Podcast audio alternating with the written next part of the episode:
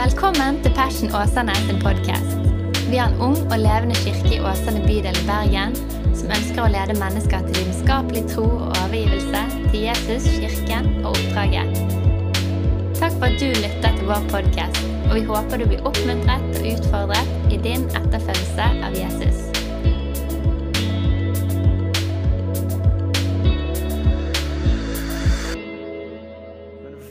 Veldig kjekt å være sammen. Dere hører sikkert at det er litt hest, det er ikke korona. Men det var jo som Silje sa, vi hadde fotballcup på fredag. Og jeg snek meg med på lagbildet. Så dere? Jeg lå foran der. Så det ser ut som jeg hadde en fremtredende rolle i kampen som ble spilt. eller kampene. Det hadde jeg på ingen måte. Jeg ble ikke spurt om å delta engang på fotballaget. Eh, det røper litt om tilstanden på mine fotballferdigheter. Men jeg var tvunget med på pastorlaget. Eh, og hadde noen bilder av det òg. Så jeg er livredd ut i mål der. For jeg var på én fotballtrening i første klasse. Og jeg har en erindring av at jeg går ut på banen der og lurer på hvorfor jeg er der. Og Mamma og pappa forsto at han ikke burde være der, så de tok meg ut fra fotballøvingene, som jeg kalte det.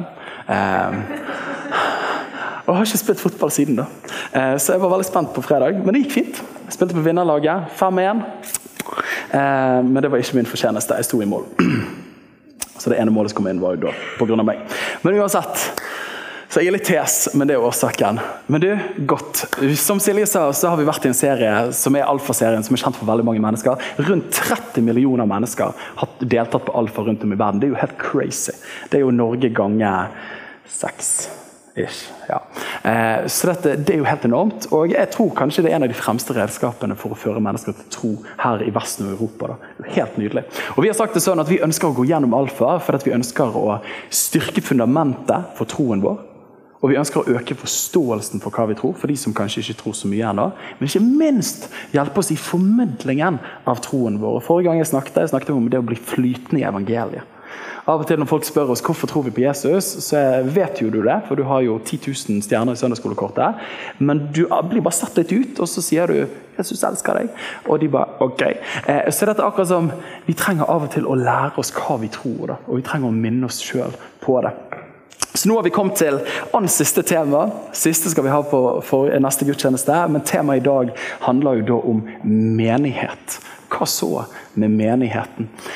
Og jeg tenkte, jeg tenkte på det, og det er jo sånn jeg fungerer som forkynner. Men jeg er jo en eh, assosiasjonsforkynner i den forstand at jeg eh, preker om noe, så kommer jeg på noe. Så det kan bli lange prekener. Eh, det er derfor jeg skriver manus, sånn jeg skal konsentrere meg litt. Men når jeg tenkte kirke, menighet, hvilke assosiasjoner melder seg? Og det er jo helt sikkert like mange assosiasjoner som det sitter mennesker i dette rommet her. Men for min del så slo det meg Daniel, ok, nå tenker du tilbake. Nå gjør vi en litt sånn der psykoanalyse, Sigmund Freud, når det kommer til menighet. Tenk tilbake. Og så tenker jeg, ok, Mine første minner om menighet, hva var det? Jo, det var mye sjokolade. Eh, borte i Litlåsveien, der jeg vokste opp i Åsane frikirke. For det, Frikirken hadde fått et stort parti av sjokolader som tror jeg skulle bli gitt bort. Eller, så jeg vet ikke om dere husker det, dere som var med der. Eh, men jeg husker vi spiste den sjokoladen masse, sikkert over et halvt år. Det husker jeg, godt minne. Husker at jeg og Mathias Furnes tettet vasken på badet eh, ved at vi tok toalettpapir oppi og så tok vi på vannet. Og Det var kjempegøy. Jeg vet ikke om du husker det, men jeg husker at eh, din far kom inn, og han var rød i fjeset. Ikke pga. det var mye sol ute, eh, så det brente seg fast. Slush etter søndagsskolen, om å gjøre med 20 kroner. Og husker flagg og lovsang. Det er en sånn erindring. Og husker vi hadde sånn tog der vi gikk rundt, eh, som var et glory train, før jeg visste hva det var. Eh, og så husker jeg lange taler. Og Min mor tvingte jo meg med på konferanser iblant i Kristkirken. Og jeg kunne ikke skjønne hvorfor så mange mennesker kunne sitte i ro og høre på en som snakket amerikansk så lenge. Så Det er mine første minner når det kommer til menighet. Og det er i og for seg litt nøytrale, positive minner. Jeg har hatt en god oppvekst i kirke.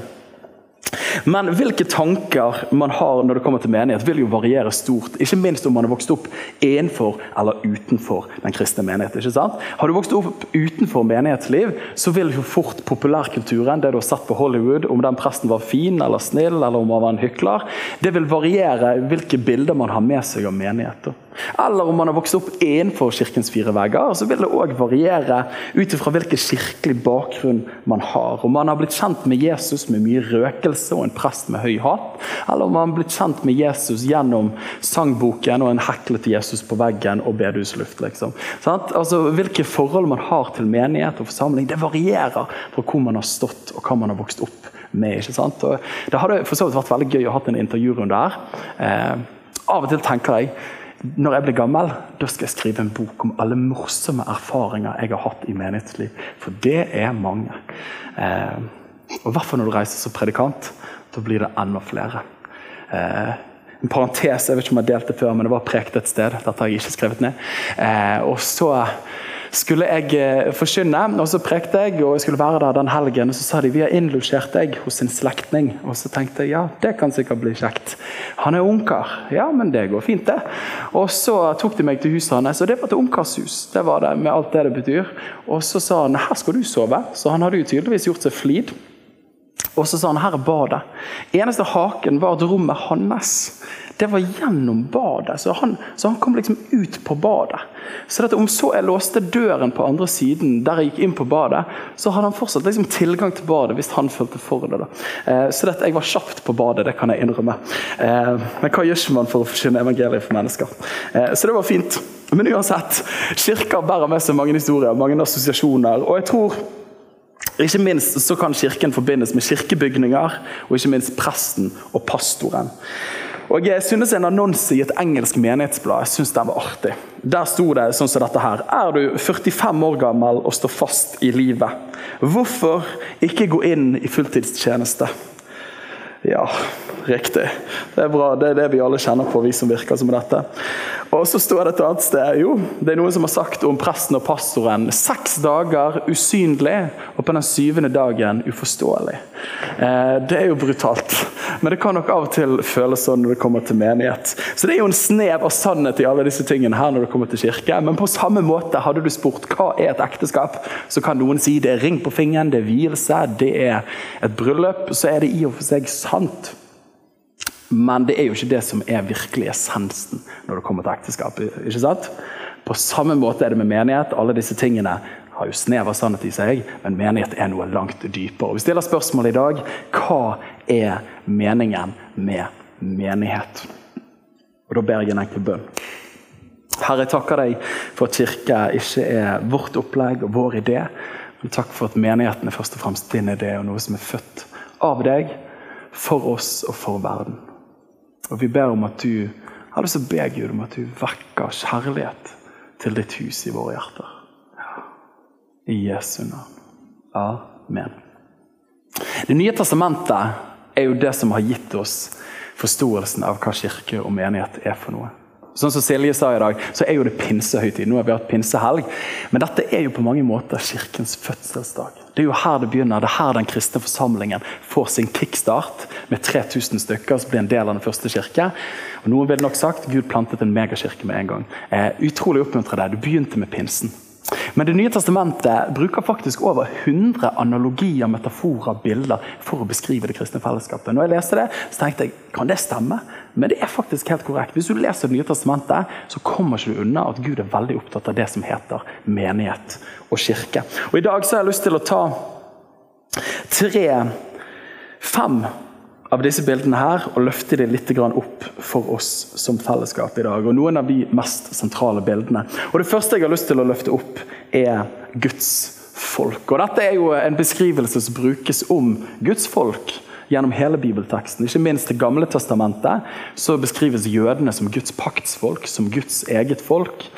Men så er det veldig tydelig i Det nye testamentet at Gud gjennom Kristus danner et nytt folk som er det levende Guds folk i dag, som er kirken, de hellige samfunn, som vi sier i trosbekjennelsen. Så vi er Guds folk. Og Du har sikkert hørt det før, du har sikkert sagt det før, og det kan være at noen av dere sa det i dag tidlig, at vi skal til kirken. Og Dette er jo litt sånn en klassisk predikantpoeng når de skal forkynne om menighet. Ja, dere skal til kirken. Ja, skal dere egentlig det? Eller jeg måtte bare kjapt innom kirken og hente noen leker til barna.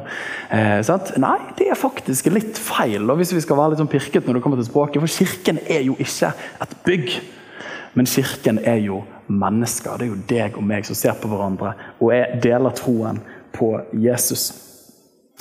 Og Det er jo litt sånn besindigende å tenke på det, men men de 300 første årene så hadde jo kirken ingen bygg. De møttes hjemme i stuene eller i husene, og de møttes ute på torgene. Og det store og det hele så hadde ikke de menighetsbygd. Så Kirker har klart seg ganske greit uten tak. Eh, det vet jeg ikke om vi hadde klart oss så bra med i dag, Men menigheten er da mennesker. Og det er et folk, og ikke først og fremst en bygning.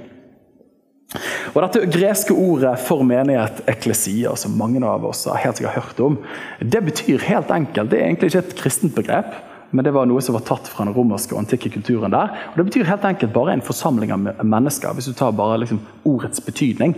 Det betyr en forsamling av mennesker. Og Kirken er da nettopp dette her. Det er både et vertikalt fellesskap med Gud, at vi får komme inn i Guds nærvær, sånn som i lovsangen her i sted. Vi får koble med Han, vi får høre Hans ord talt til oss i dag.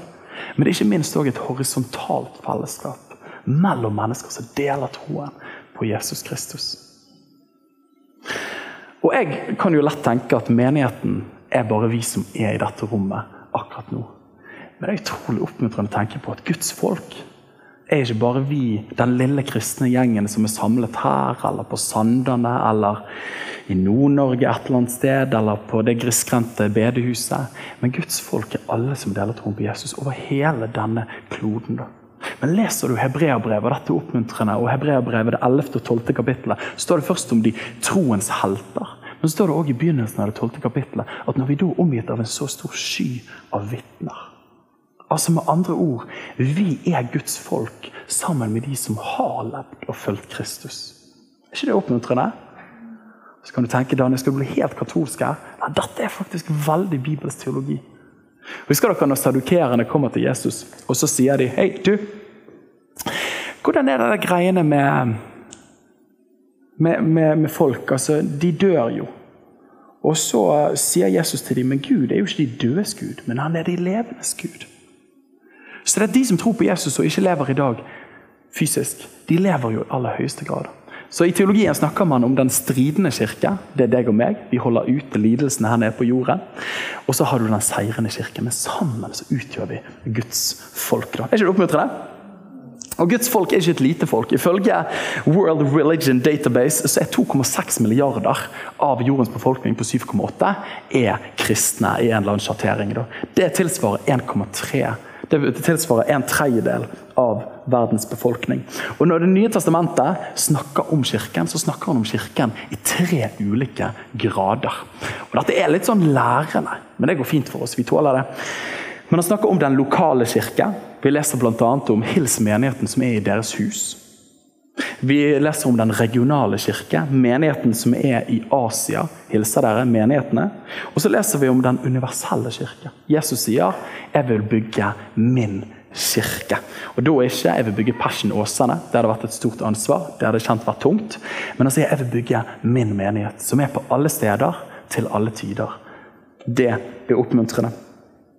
Og Dette gudsfolket som vi får lov til å delta i, på samme måte som det er tre ulike begreper for kirke, den lokale, regionale og globale, så er det òg ulike sammenkomster for menigheten. Vi leser i Det nye testamentet om på en måte, jeg kalte det slektstreff. Da, med litt sånn høytidsfellesskapet. Og Det har jo vi med fra den jødiske tradisjonen. Når det var påske, når det var pinse, når det var forsoningsdag, så kom folket opp til Jerusalem. Da var det party. På samme måte er det av og til, sånn som på fredag. Når Guds folk kommer sammen fra ulike kirkelige sammenhenger, så er det høytid iblant. Er ikke det stas? Det tror jeg er noe av det beste jeg, jeg vet om. Og Det er kanskje pga. vi er en litt sånn minoritetskultur i Norge. Men når vi klarer liksom å hype masse folk inn i en eller annen stor eh, hall, og så bare føler vi at eh, vi er nå jammen meg en del folk, vi òg.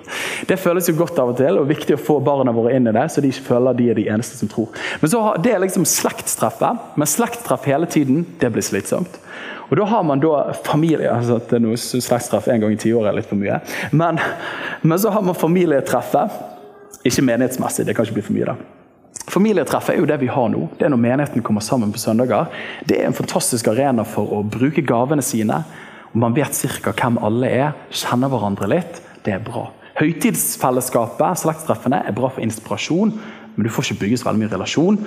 Familietreffene er det vi har i dag, men så trenger vi òg søskentreffene, som er huskirkene. Så de mindre fellesskapene der vi kan seire og sørge sammen. Dette er noen av de treffpunktene som Nye Testamentet løfter opp. Guds folk. Det er en fantastisk størrelse. Og Jeg må si, og jeg er nok ikke som alle andre, og det er sikkert mange som er mer enn meg, men jeg er vanvittig glad i kirke. Og har jeg en fri en søndag sant? Nå reiser jeg en del og preker, og vi er jo mye sammen i kirken i ukedagene, og sånt, men har jeg fri en søndag, så prøver jeg å finne et sted jeg møter. For jeg bare elsker å gå på møter. Det er jo hobbyen min. Jeg syns det er kjempegøy. da.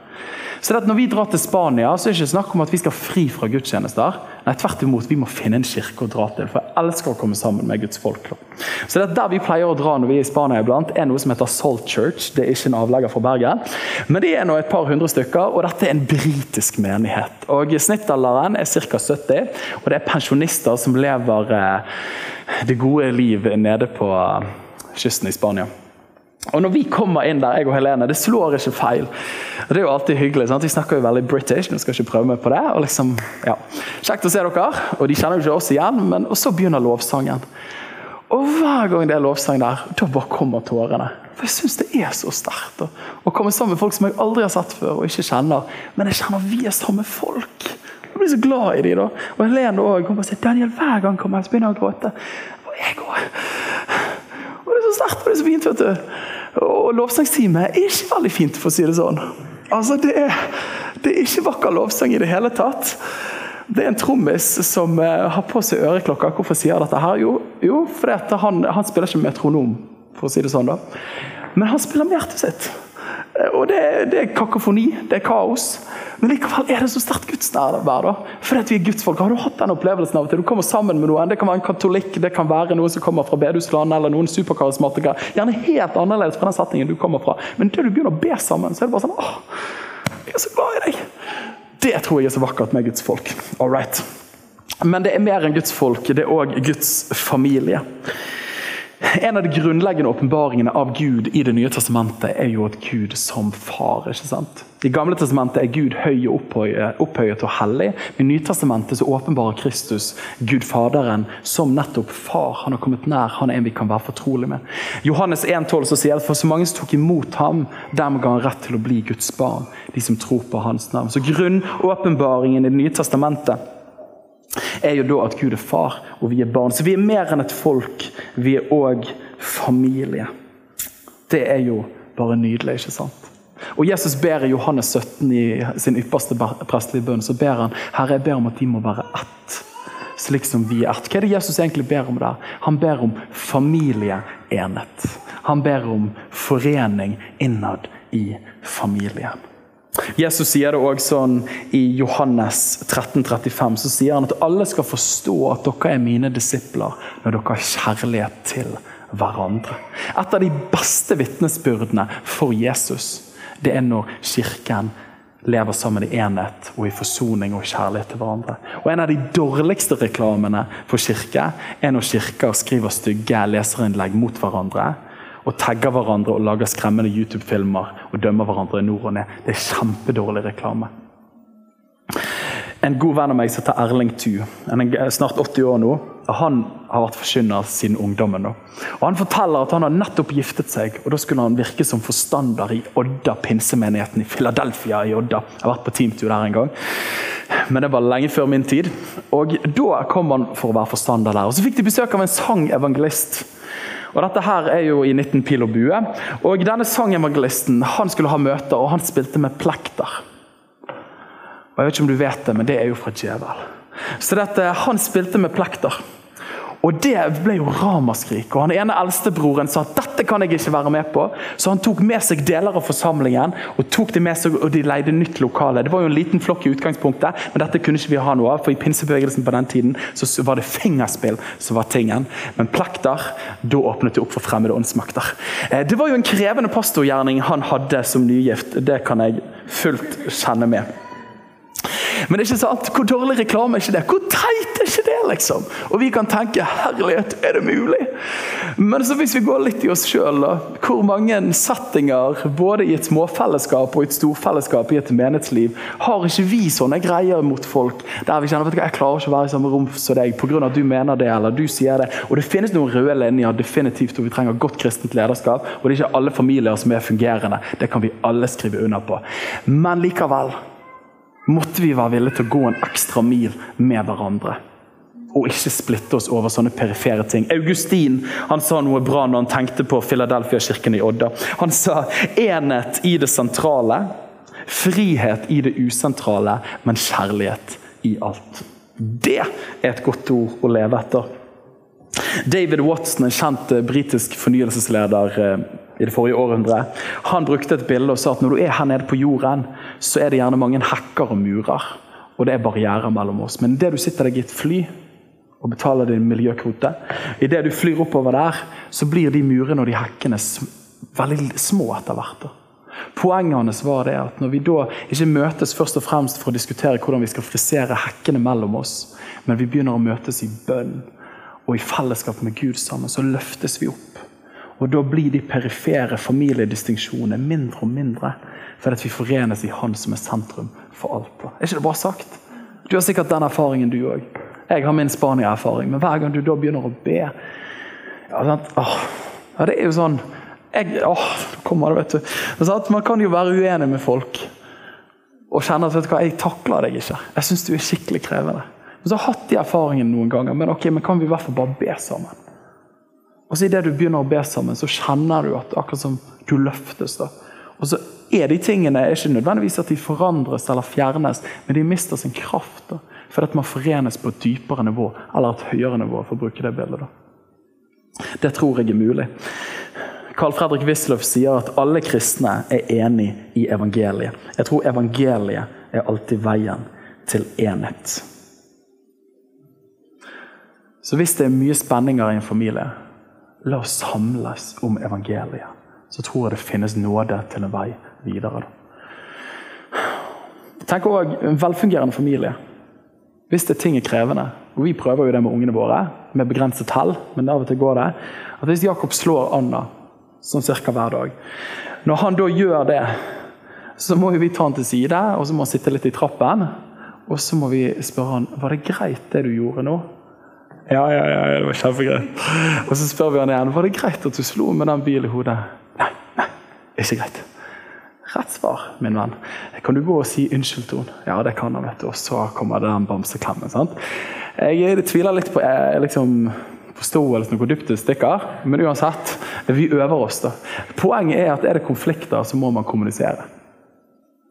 Og Der syns jeg av og til det er skremmende i menighetssammenhenger. Hvorfor vi skiller lag istedenfor å snakke sammen.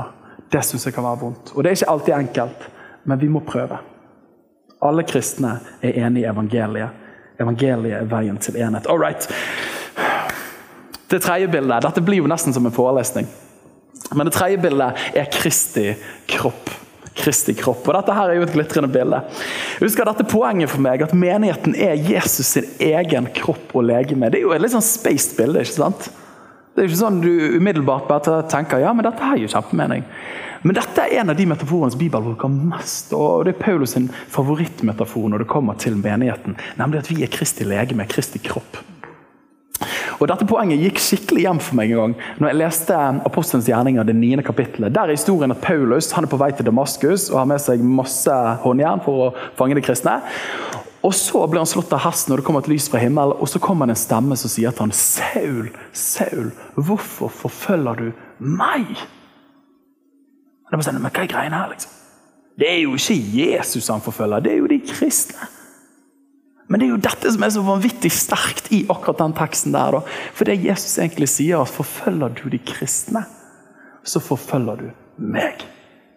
Så Jesus assosierer seg, identifiserer seg med sin menighet som synonyme størrelser. Er ikke det rått? Det er fantastisk sterkt. Jeg tenker Det er jo veldig oppmuntrende på den ene siden, i den forstand at da møter vi Kristus. Vi møter Gud gjennom fellesskapet med hverandre.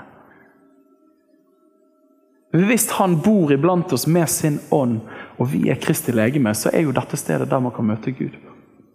Og jeg tror jo at En av de beste tingene du kan gjøre hvis livet er tungt og tøft, og samlivet knirker og barna eh, slår hverandre hver dag, så tror jeg en av de beste tingene du kan gjøre, er å plante deg i det kristne fellesskapet. Når du ikke kan bære troen, så kan det kristne fellesskapet få lov til å bære deg og din tro. Så kan du møte Gud gjennom hverandre. Og Her har vi nok mange historier på hvordan det ble et gudsmøte. At noen ga et ord, at noen ba en bønn, at noen ble minnet på, osv. Vi trenger hverandre. Vi er Kristi legeme. Men på den andre siden så er jo det òg et stort ansvar hvis vi er Kristi kropp, vi kristne som følger Jesus.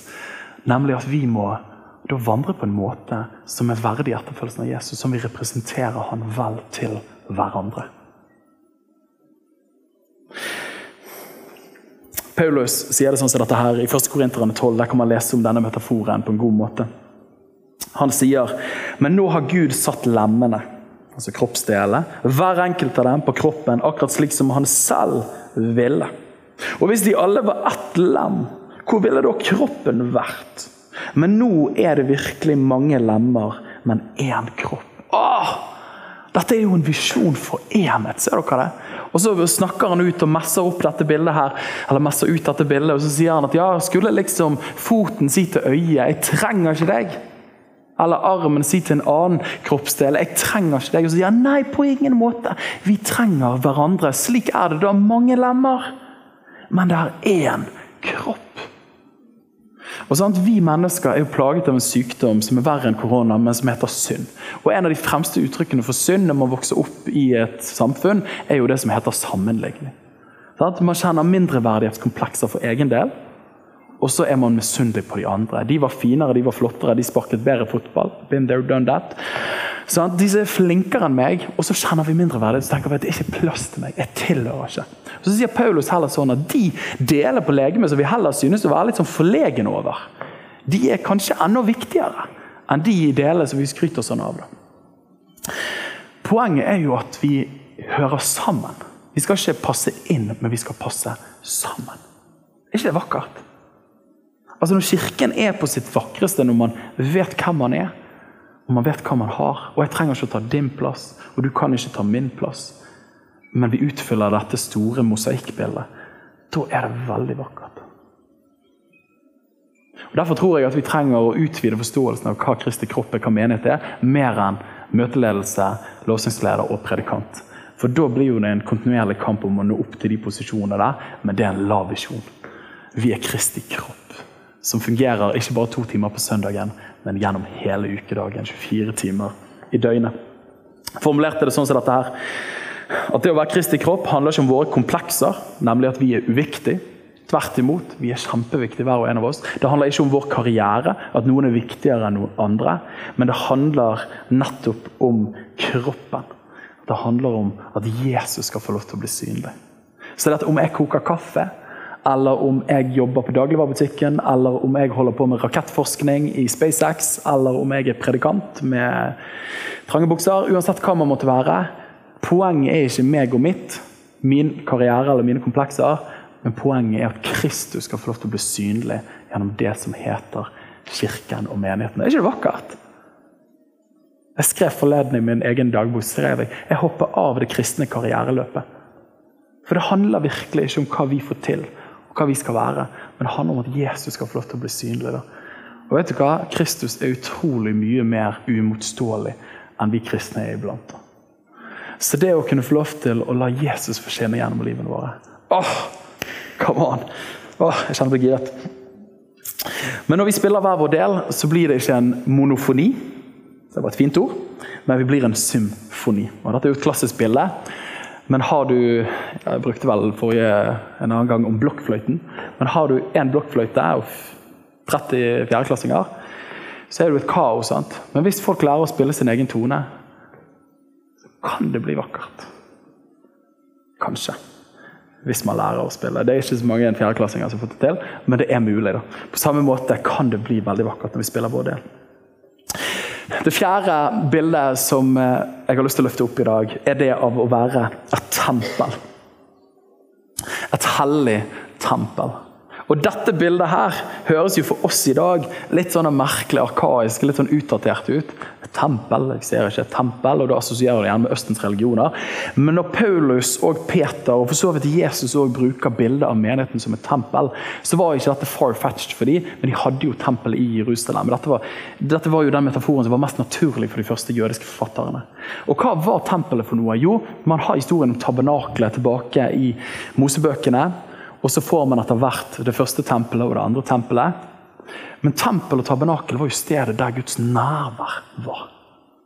Det var jo stedet der Gud kom med sin herlighet. Og Vi leser i første kongebok er det vel, om at når de innvier tempelet, så kom Guds herlighet ned som en sky, og prestene klarte ikke å gjøre tjeneste. Det var vel en annen anledning òg, det står i Det gamle testamentet. Med andre ord, det var stedet Gud kom med sin ånd. Jeg har av og til tenkt, jeg vet ikke om du har tenkt på det, men kunne ønske jeg var der. Kunne ønske når den skyen kom ned, at jeg kunne bare løpe inn i tempelet der liksom, med min karismatiske grilldress på. liksom bare klar, Jesus, jeg vil møte deg der. Men da sier faktisk Det nye testamentet at det tempelet som Gud har reist opp nå, er ikke et tempel lagd av menneskehender, så det står i Apostelens gjerninger, det syvende kapittelet, der de sier at Gud bor ikke i templer lagd av menneskehender. Og Jesus sier at jeg skal rive ned dette tempelet, og etter tre dager skal jeg reise det opp igjen. Og hvilket tempel er det? Det er jo deg, og det er meg. Det er ikke fantastisk? Det er jo helt rått, folkens! Nå må ikke alle bli giret her. For dette i det aller helligste, det er jo der Guds nærvær var. Den ypperste presten vil komme inn en gang i året. Vi kjenner historien. Når Jesus dør på korset, så rivner forhenget fra øverst til nederst. Med andre ord, det er Guds initiativ. Og han sier at 'jeg bor ikke i disse steinbygningene lenger'. Jeg holder på å reise opp et nytt tempel. Og vi leser i Efeserene 2,20 der står det at dere er bygd opp på apostlene og profetenes grunnvoll, og Jesus Kristus selv er hovedhjørnestein. Og hør på det her, I Han, i Jesus, blir hele bygningen fylt sammen. Og den vokser til et hellig tempel i Herren. I ham ble også dere bygd opp sammen med de andre til en bolig for Gud i ånd. Til en bolig for Gud i ånd. Med andre ord stedet der Gud bor i dag er ment å være de hellige samfunn. Vi er levende steiner, som er litt levende og vanskelig av og til for byggmesteren å bygges opp. Men når han klarer det, og vi følger han, så blir jo et tempel stedet der Guds nærvær kommer. Og Du har sikkert hatt den erfaringen. Men jeg syns at jeg kan be hjemme, jeg kan lese min bibel hjemme, og det er fint og det er godt. Men noen ganger når jeg kommer sammen med Guds folk, så er det, så er det akkurat som om det blir et eget nivå av Guds nærvær og Guds favør. For at Gud kommer med sin herlighet der. Det er sterkt. Jesus sier det i Matteus 18, 20, sier han, hvor to eller tre er samlet i mitt navn. Der er jeg midt iblant dere. Det er jo sterkt. Han gir et løfte om sitt nærvær i det kristne fellesskapet. Et løfte om sitt nærvær. I 1. Johannes 3, 3 så sier han og hver den som har dette håpet han, altså tror på han, renser seg selv, like som han er ren. Hva handler det om? Jeg husker en av mine store troshelter. Det var En som heter Smith Wigglesworth. Det var En kjent pinseforkynner på begynnelsen av 1900-tallet. Og Han var kjent for at det var et sterkt gudsnærvær rundt ham. Og jeg husker i hvert fall Ved to anledninger så skriver han i noen av bøkene som noen skrev om livet hans, at han var og ba sammen med en del andre kristne og menighetsledere. Men så kom Guds nærvær mer og mer. Og så begynte den ene å gå etter den andre. Fordi De klarte ikke å være det nærværet. Det kan være at du synes det høres litt rart ut, men jeg tror på disse greiene her. Da. Guds nærvær kom så sterkt. Og Han fikk spørsmålet hva er hemmeligheten til Guds nærvær rundt livet ditt. sa han jo, hellighet kommer alltid før herlighet. Og det tror jeg er veldig bibelsk visdom. Sånn som det står i 1. Johannes her. Den som har det håp til han, renser seg selv like som han er ren. Jesus er hellig, Gud er hellig, som vi sang. Hellig, hellig, hellig. Gud er opphøyet. Han er verdig, han er hellig. Men Guds herlighet, Guds nærvær, finnes der hans hellighet blir etterlevd og prøvd og fulgt. Husker når jeg studerte kirkehistorie. Husker Jeg ble litt skremt når jeg leste fra, fra Jerusalem til Rom og Bysants av Skarsaune, tror jeg det var. Og Han sa at i den første kirke så var det sånn at hvis noen syndet så stilte de seg gjerne frem foran hele menigheten, eller ble stilt frem foran hele menigheten. Jeg lurte på om vi skulle innføre det. Eh, stilt frem foran hele menigheten, og så bekjente de sin synd for hele fellesskapet. Hvorfor det? Jo, fordi at de levde med den forståelsen at hvis jeg har synd i mitt liv privat, så utarmer det Guds nærvær i hele det kristne fellesskapet. Ganske crazy, da. Men det er ganske sterkt òg, da. Nå er ikke vi der, men hellighet leder til herlighet. Vi er tempel for Gud. Og Det siste bildet det er Kristi brud. Det er jo et fantastisk bilde. Dette er jo det bildet som jeg vokste opp med og syntes var utrolig merkelig. Men det er noen som har sagt det sånn.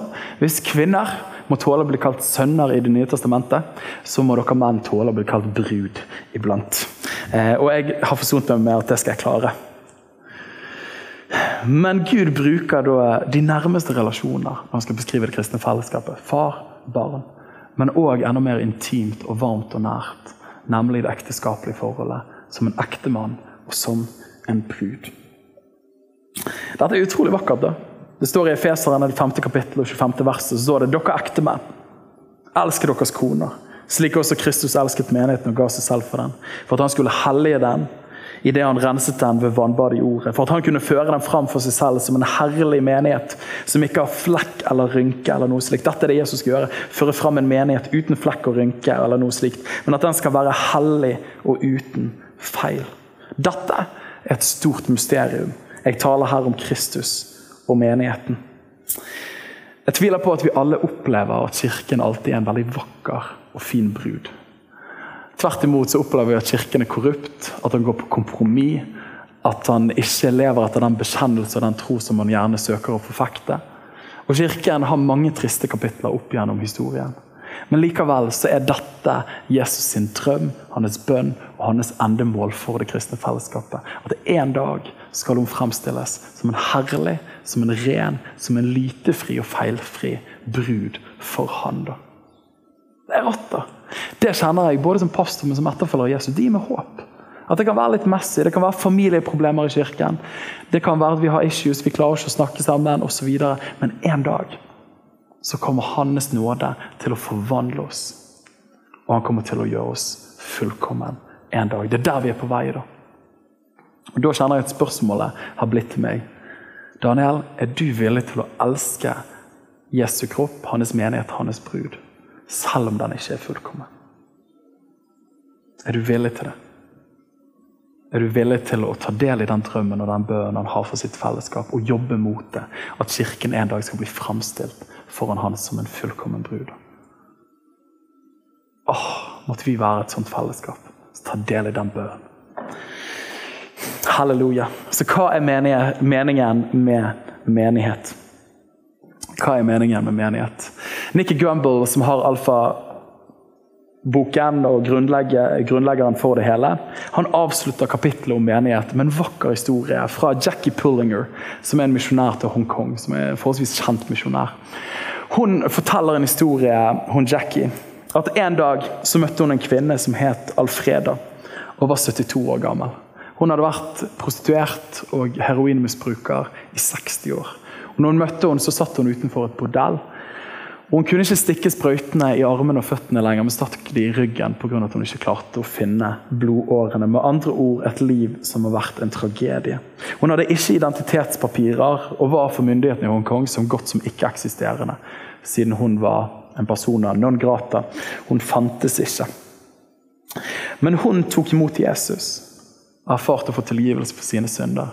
Og ble tatt inn i et av mottakshjemmene til Jackie Pullinger. Og så forteller hun at Der begynte hun å vokse i sin tro på Jesus. Hør på det her, 72 år gammel. Er ikke det vakkert? Det er aldri ute med håp så lenge det er pust, folkens.